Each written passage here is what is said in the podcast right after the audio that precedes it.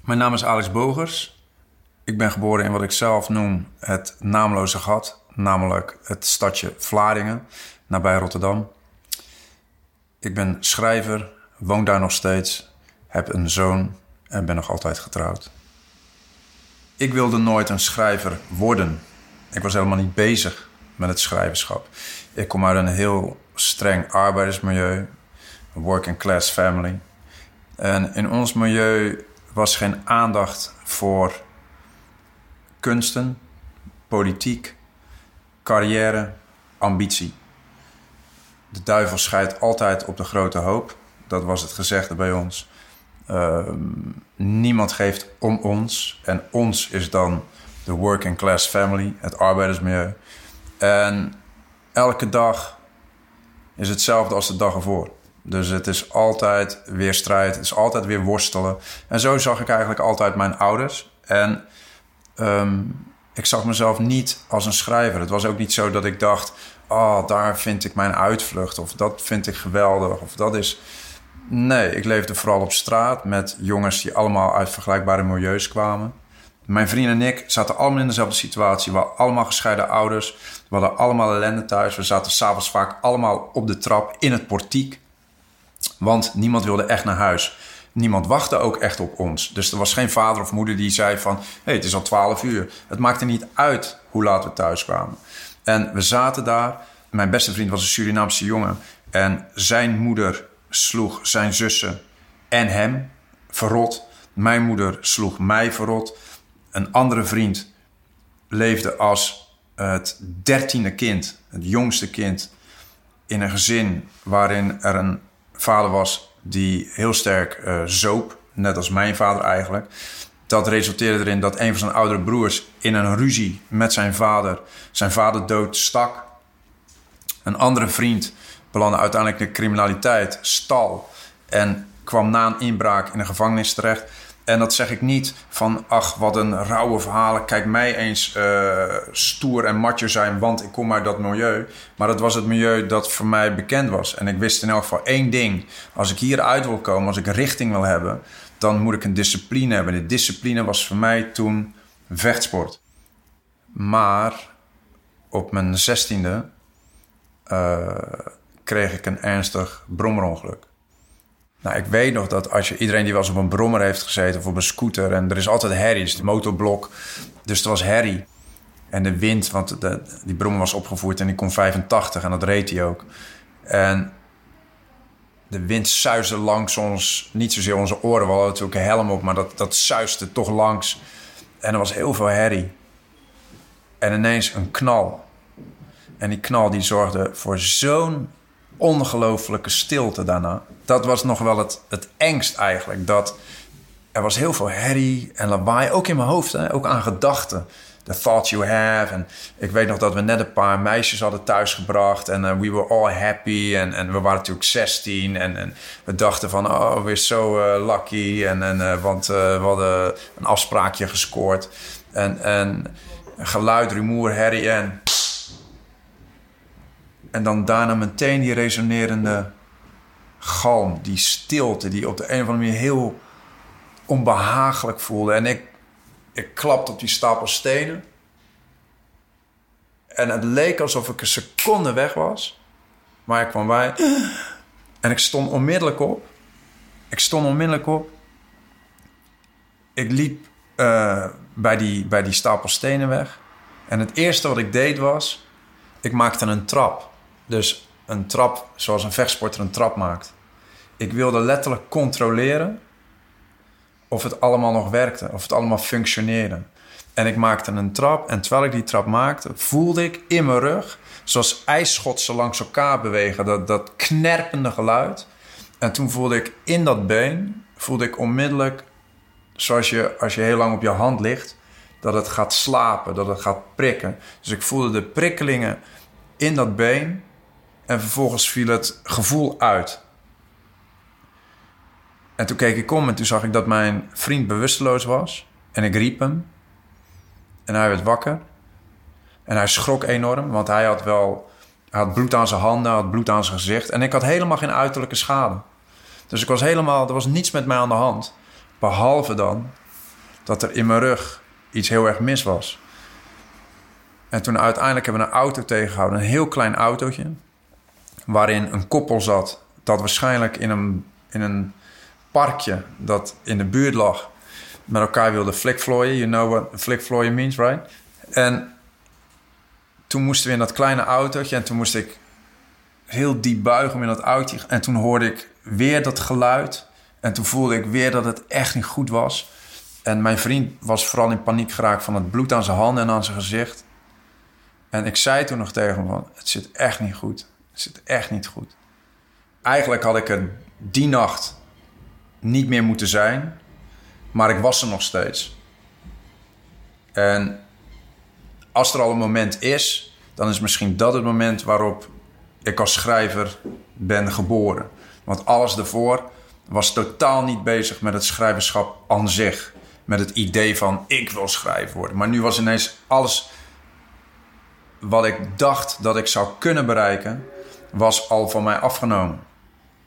Ik heb werkelijk gedacht: ehm, als er nu iets gebeurt waardoor ik het leven moet laten, ik zou er niet echt mee zitten. Want mijn vader en moeder waren al niet met mij bezig, die waren gescheiden. Mijn oma was er niet meer. Um, ik had nog geen vriendin. Dus wie zit er op mij te wachten?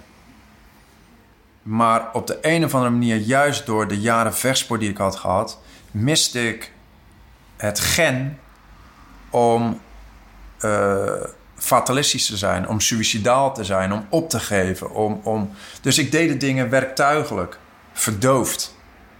Alsof niets er meer toe deed, alsof het alleen maar. alsof ik onderdeel was van een mechanisme waarvan ik niet begreep waarom het er was. En dan, dacht, dan dacht ik, nou, als dit het, maar, als dit het dan maar is.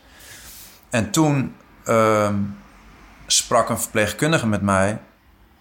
S'nachts, want ik kon heel weinig, ik, ik kon bijna niet slapen. En zij zei, s'nachts huilde ik ook uh, veel. En zij zei: Het valt je zware hoe het nu allemaal gaat. Het is ook niet niks hoor. En dan vertelde ze een beetje over haar eigen belevenissen in het ziekenhuis en over haar carrière en wat ze wilde doen en hoe lang ze nog in het ziekenhuis wilde blijven werken. En toen zei ze: Maar is er dan niks anders wat je kunt doen, waar je je gedachten op kunt zetten? En zei ik: Nee. Ja, ik kijk af en toe een video. We leefden in het tijdperk van de VS-videorecorder. En toen zei ik eigenlijk een soort van per ongeluk Oh ja, ik schrijf. En zei ze, je schrijft? Maar wat schrijf je dan? En zei ik, ja, geen idee. Maar dat is, dat is wat ik soms ook doe. En zei ze, maar, zou je dat hier niet uh, kunnen doen dan? Zei ik, ja, hoe moet ik dat doen? Weet je wel? En, en het had gewoon niet die, datzelfde gevoel, diezelfde drang om het te doen. En toen zei ze van, nou ja, ik heb thuis een typemachine en die kan ik wel meenemen. Misschien kunnen we iets in elkaar zetten op die manier. Nou, in die tijd, ik had geen typemachine thuis. Een typemachine is een beetje alsof iemand tegen je zegt, nu, ik heb een MacBook Pro lenen. En, en dus ik zei ja. En toen nam ze die typemachine mee een mintgroene Vendex typemachine. Die zetten ze voor mijn bed neer op een krukje. Er kwamen verpleegkundigen, die rolden mij op mijn buik. Ze haalden het hoofd haalden ze weg, de plank bij het hoofd, bij het bed. Ze schoven me uiteindelijk door de beugel van het, uh, van het bed. En ik hing eigenlijk met mijn bovenlijf, met mijn hoofd en mijn armen boven de typemachine die op een lage krukje stond voor het bed. Toen kon ik papier indraaien. En toen kon ik voor het eerst wat, wat typen. En dus op het moment dat ik zelf had opgegeven, kwam er iets anders voor in de plaats. Bijna per ongeluk. Er zijn twee scenario's. Je valt. You perish and die. Zo. Het leven had toch weinig zin meer, toch? Als, als, als je dat niet kon doen wat je wilde doen. Of het biedt je een nieuw perspectief. Een nieuw leven. En dat weet je alleen als je overgeeft. Als je je letterlijk overgeeft. En dat is wat ik heb moeten doen. Ik lag in het ziekenhuis, doorgezaagd, opnieuw in elkaar gezet, gereconstrueerd, twee stukken bot uit mijn bekken gezaagd, uiteindelijk naast mijn ruggengraat neerge neergezet, neergelegd. Moest heel lang in het ziekenhuis verblijven, zodat die, die, die botspanen vastgroeiden aan mijn ruggengraat, zodat een dwarslezing kon worden voorkomen en ik nooit en ik niet in een rolstoel terecht zou komen. Daardoor moest ik opnieuw leren staan, opnieuw leren lopen. En dat was een heel lang traject. En dat traject dat deed ik. En dat volgde ik nauwgezet.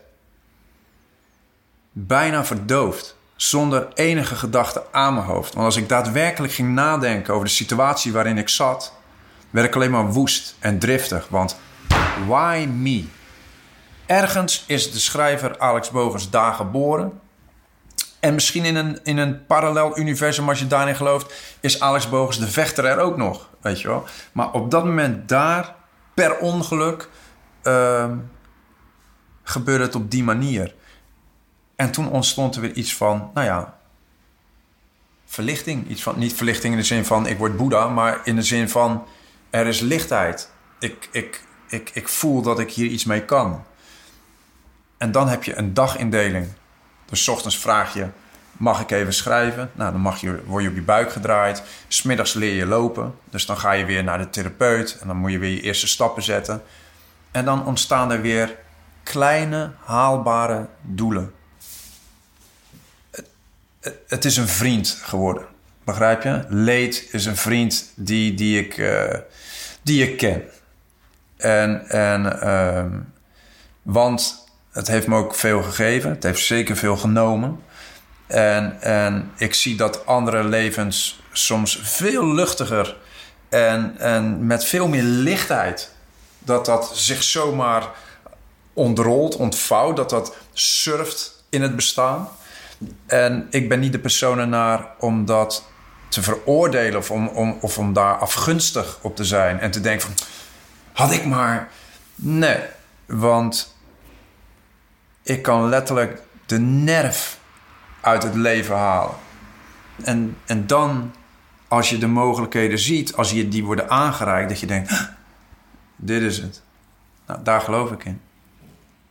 Omdat het mensen overkomen, dus daar geloof ik dan in.